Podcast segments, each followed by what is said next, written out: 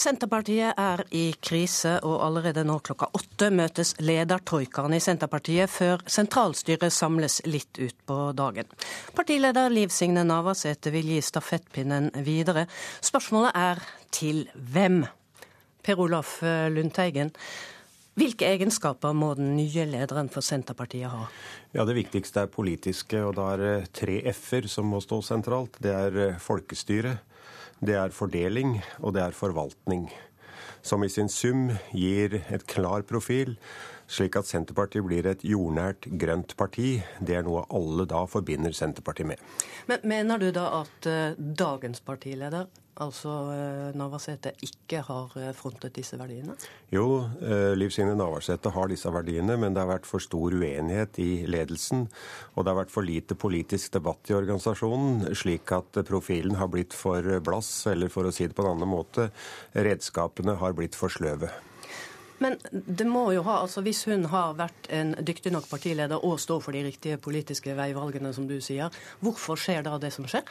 Det som eh, har skjedd nå, er et resultat av en utvikling over lengre tid. Det har vært etter hvert en partikultur som i altfor liten grad har vært eh, dynamisk og tatt opp sakene, og hvor fylkeslederne har presentert standpunkter fra sine fylker. Fylkeslederne har altfor stor grad eh, hylla ledelsen, for å si det litt eh, direkte. Vi må få politikken tilbake i organisasjonen, klare politiske standpunkter gjennom sterke politiske debatter.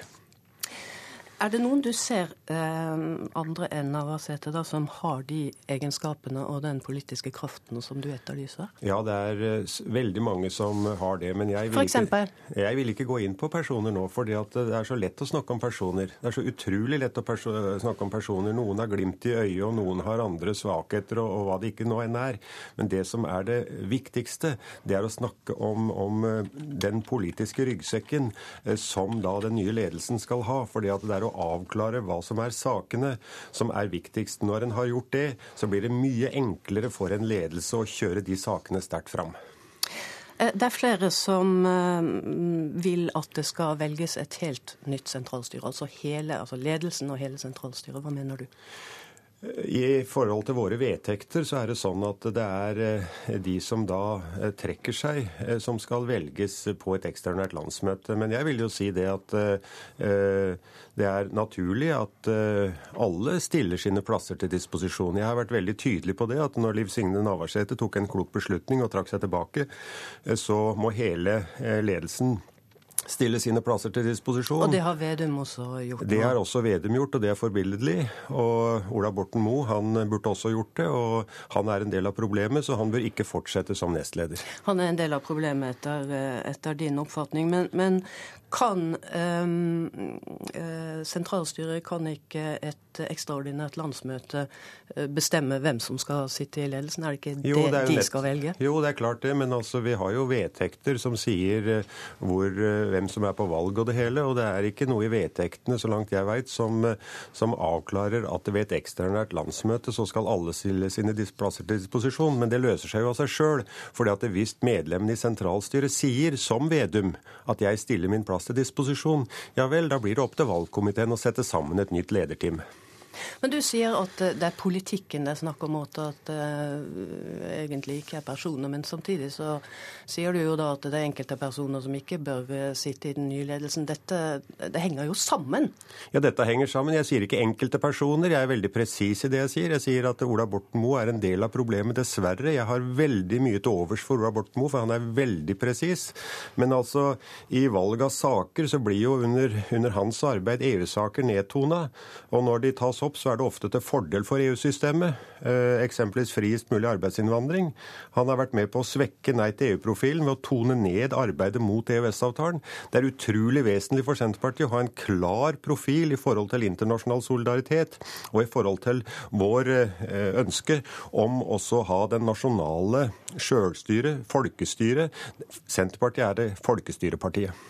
Men han sitter også i Senterpartiet, han er medlem av Senterpartiet. Senterpartiet har bredde eh, politisk. Må en ikke tillate det også i ledelsen? Jo, altså, en skal jo tillate bredde. Men altså, som jeg sa, en skal nå ha en diskusjon for å få fram en, en, en, en ryggsekk av politiske saker som en skal føre fram. Og i den ryggsekken så ligger jo folkestyret veldig sentralt. Og, og da må en ha, ha kraft til å, å, ha det nødvendige fokus på de EU-spørsmåla, de EØS-sakene, som er problematiske i forhold til vårt folkestyre. I dag hylles 1814 eh, og det norske Stortinget. Tenk om at det kunne føre til at det norske Stortinget tar tilbake noe av den myndighet som en trenger å ha for at folk skal få gjennomført sine ønsker. Du, du legger tunge bører på nye partilederen ja, her. Men, det er sikkert, og det er jammen meg viktig å gjøre nå. Men du, bør eh, Senterpartiet legge vekt på å velge ny toppledelse som er mer samstemte, da? Er det konklusjonen ja, når det, det gjelder de politiske sakene? Det er helt opplagt konklusjonen. Mer samstemt. En skal ikke være samstemt, men mer samstemt. Og jeg vil oppfordre nå debatten rundt i fylkesårsmøtene til å ha forskjellige meninger i, av innledere, sånn at du dermed får den meningsbrytninga, sånn at alle de som sitter på gjerdet og, og, og, lurer, må ta stilling. Det er også vesentlig at den tar ansvar hver enkelt av de tilsvalgte i organisasjonen. Men er ikke personkjemien her også viktig? Jo, så opplagt er det det. sånn at det er jo alle mulige ingredienser i det her sånn. Men den vesentligste ingrediensen, det er de politiske standpunktene. Det må alle være enig i hvis en tenker seg om. Takk skal du ha, Per Olaf eh, Lundteigen. Og eh, ledertroikaen møtes altså nå om bare knappe ti minutter.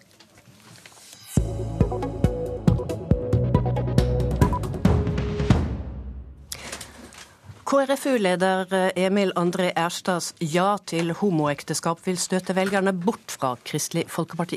Det mener sjefredaktør i den kristne avisen Dagen, Vebjørn Selbekk. KrFU-lederen eh, oppfordrer moderpartiet til å gi opp kampen mot ekteskapsloven fra 2009, som sidestiller homofile og heterofile ekteskap. Vebjørn Selbekk, hvorfor mener du at dette vil skremme bort velgerne fra KrF? Jeg tror det er viktig at KrF og KrFU stikker fingeren i jorda og ser hvor partiet befinner seg. De har et eh, valg bak seg nettopp der de fikk 5,6% oppslutning.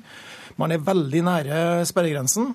Og Hvis man nå igjen begynner å utfordre grasrota og kjernevelgerne på saker som er viktige symbolsaker for dem, så tror jeg at det bare fortsetter glideflukten mot sperregrensa, og at man kanskje kan havne under den. Jeg tror at hvis KrF, eh, nå tror jeg ikke det skjer, men hvis KrF skulle si ja til en kjønnsnøytral ekteskapslov, så er det den sikreste måten å få partiet under sperregrensa på.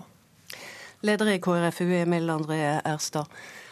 Du hører advarslene her. Er ikke det fare for at akkurat dette kan skje, at dere provoserer grasrota?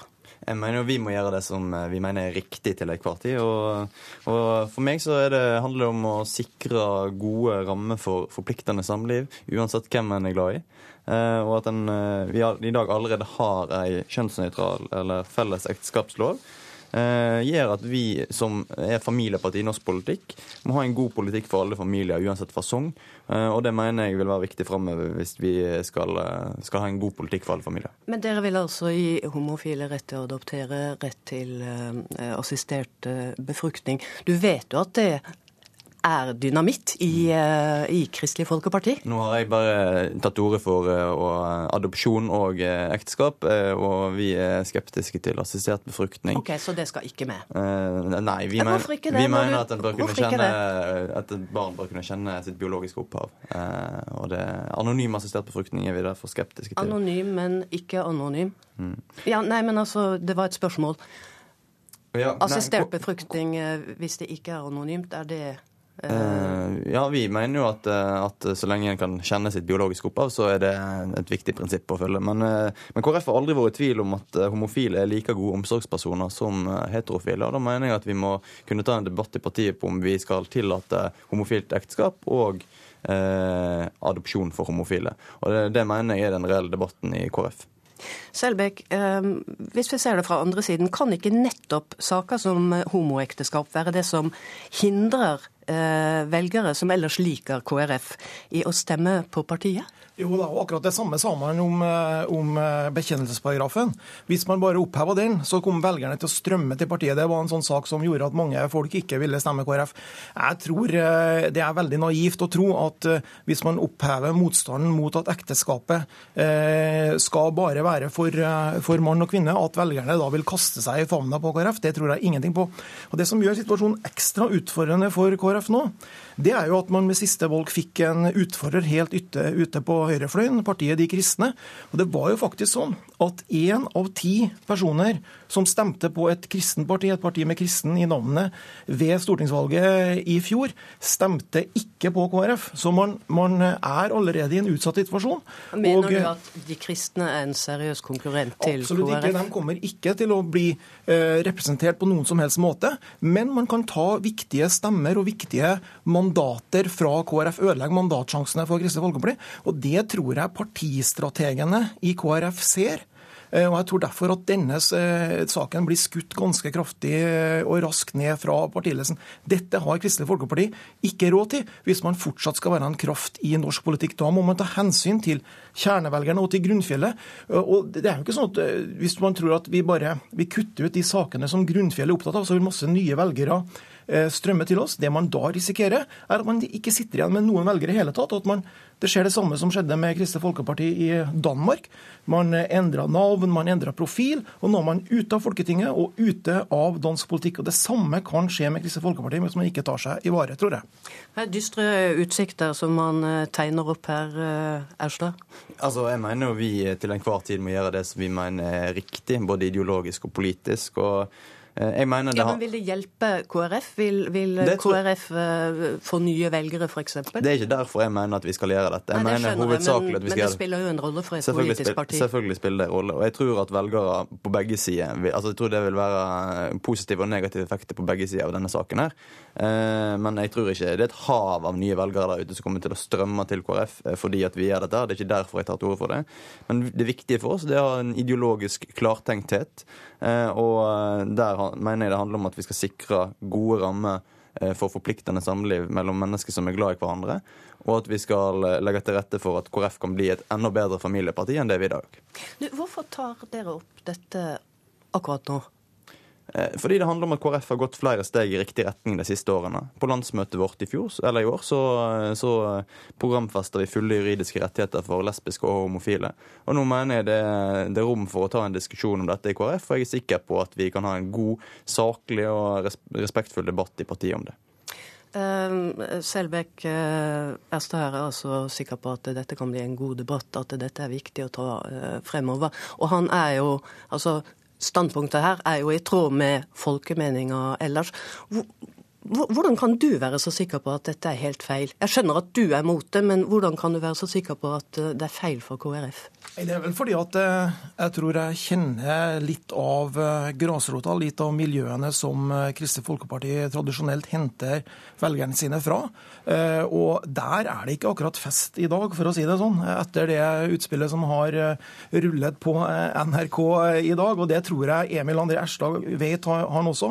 Han kommer jo fra Hordaland. Det er jo fylkeslaget hans, og ikke minst der og på, på Vestlandet, der Kristelig Folkeparti tradisjonelt er sterk, så er motstanden mot dette her veldig eh, kom, kompakt. Det er jo ulike meninger om dette i partiet, og selv der jeg kommer fra, er det jo ulike meninger om dette. Det tror jeg Vebjørn er like klar over som meg. og Derfor mener jeg at det er behov for en god debatt som kan gjøre oss til et enda bedre og mer ideologisk klartenkt familieparti. Men vi hørte Dagrun Eriksen eh, i P2s Nyhetsmorgen eh, tidligere i dag, som jo ikke akkurat eh, sa hjertelig velkommen til dette utspillet fra dere. Har du virkelig noen tro på at dere kan få moderpartiet med på det? I første omgang så handler det om at KrFU sjøl må ta et standpunkt på landsmøtet vårt til høsten. og Det håper jeg vi kan uh, ha en god prosess fram mot. Og i neste omgang så vil det da være KrF som blir arenaen for den debatten. Og Hvordan er uh, stemninga i KrFU da? Vi har hørt eh, Oslo KrFU som er mot tidligere i dag? Mm. Det er delte meninger der òg, men eh, jeg tror vi kan ha en god debatt, og at vi forhåpentligvis ender opp med å ha en eh, mer eh, en bedre politikk for familiene.